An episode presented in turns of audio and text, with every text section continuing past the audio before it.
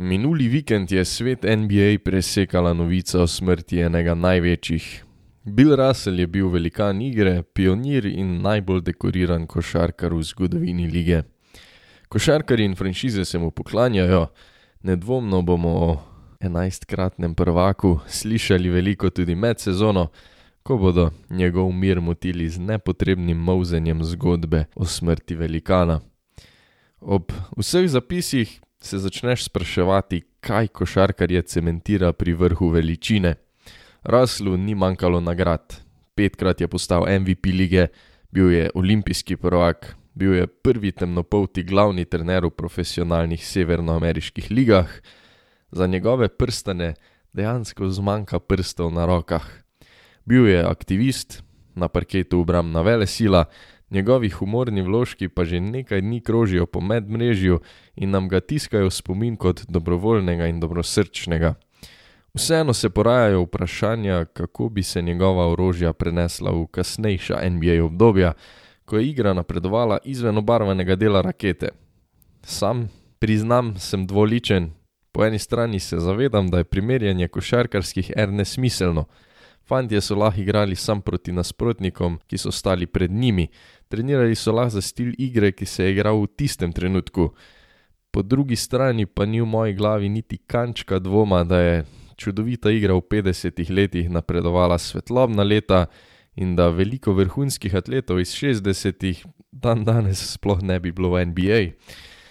V naših glavah, upam, ni niti kančka dvoma, da Bill Russ Whiskers Russell spada med največje. Zakaj? Poleg njegovih dosežkov in neverjetnega števila naslovov je Bill ustvaril persono zaslužno našega spoštovanja, ime, kateremu strmimo in ga izgovarjamo z občudovanjem.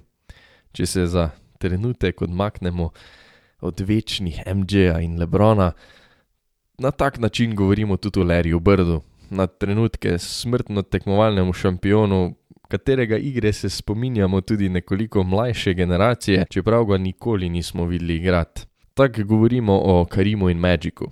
Slednji je celo svojo nezvestobo in virus HIV spremenil, točko po kateri se ga spominjamo. Nadal si je obraz vseh okuženih in govoril za nje.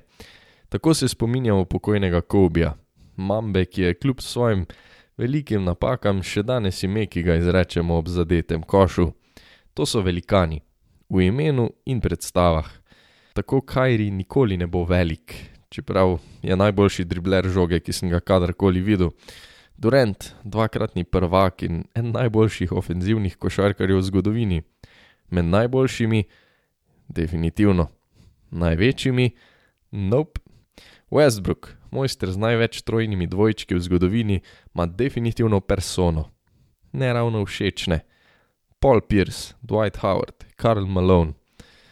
Ah, vseeno smo danes tu, da se poklanjamo velikemu Billu, enemu največjih košarkarjev vseh časov, aktivistu, ki je oral ledino tudi izven košarkarskih parketov, spreminjal družbo. Prav je, da se velikanov spominjamo. So temelji, stebri, na katerih stoji nam ljuba igra, vozniki avtobusa napredka, znanitelji obdobij, obrazi košarke.